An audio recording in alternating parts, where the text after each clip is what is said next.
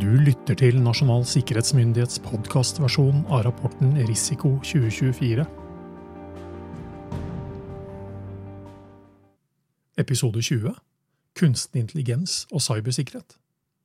En av fordelene med kunstig intelligens er at den i mange tilfeller klarer å oppdage sammenhenger i data som mennesker ellers ikke klarer å oppdage. Kunstig intelligens har imidlertid begrensninger som å forstå kontekst.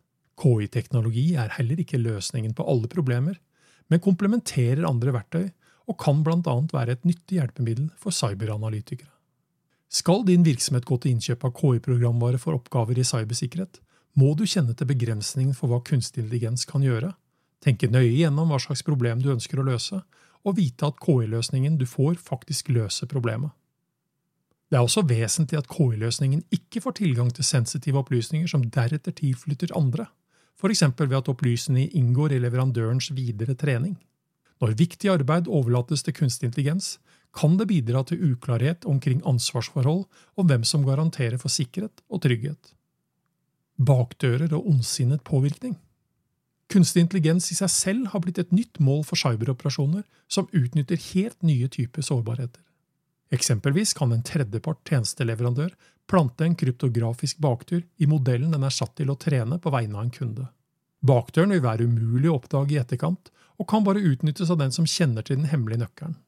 En bakdør kan plasseres inn gjennom manipulasjon av programvaren som utfører treningen, eller direkte med hensikt av leverandøren selv. Bakdør kan også oppstå gjennom forgiftning av treningsdata, altså at noen med vilje prøver å villede kunstig intelligensmodellen ved å fòre den med feil data. Målet med en bakdør kan være å påvirke modellen til å endre atferd i bestemte situasjoner, som å utføre en uønsket handling eller lekke sensitiv informasjon den er trent på.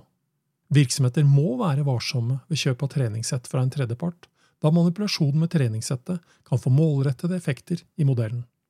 Virksomheter bør også tenke nøye gjennom om modellen er trent med sensitive data før de deler tilgang til modellen med andre. Informasjonsboks kunstig intelligens som en sårbarhet i seg selv. Teknologiselskapet Samsung la ned midlertidig forbud mot å bruke generative KI-modeller som ChatGPT for sine ansatte våren 2023. Bakgrunnen var frykt for at sensitiv informasjon skulle komme på avveie. Ansatte hadde brukt ChatGPT for å utbedre egne kildekoder og til å lage en intern presentasjon som inneholdt sensitive markedsdata. Kildekoden og markedsdataene ble dermed tilgjengeliggjort for OpenAI, selskapet bak ChatGPT, og potensielt for andre sluttbrukere av tjenesten. Du har lyttet til Nasjonal sikkerhetsmyndighets podkastversjon av rapporten Risiko 2024, og mitt navn er Roar Thon.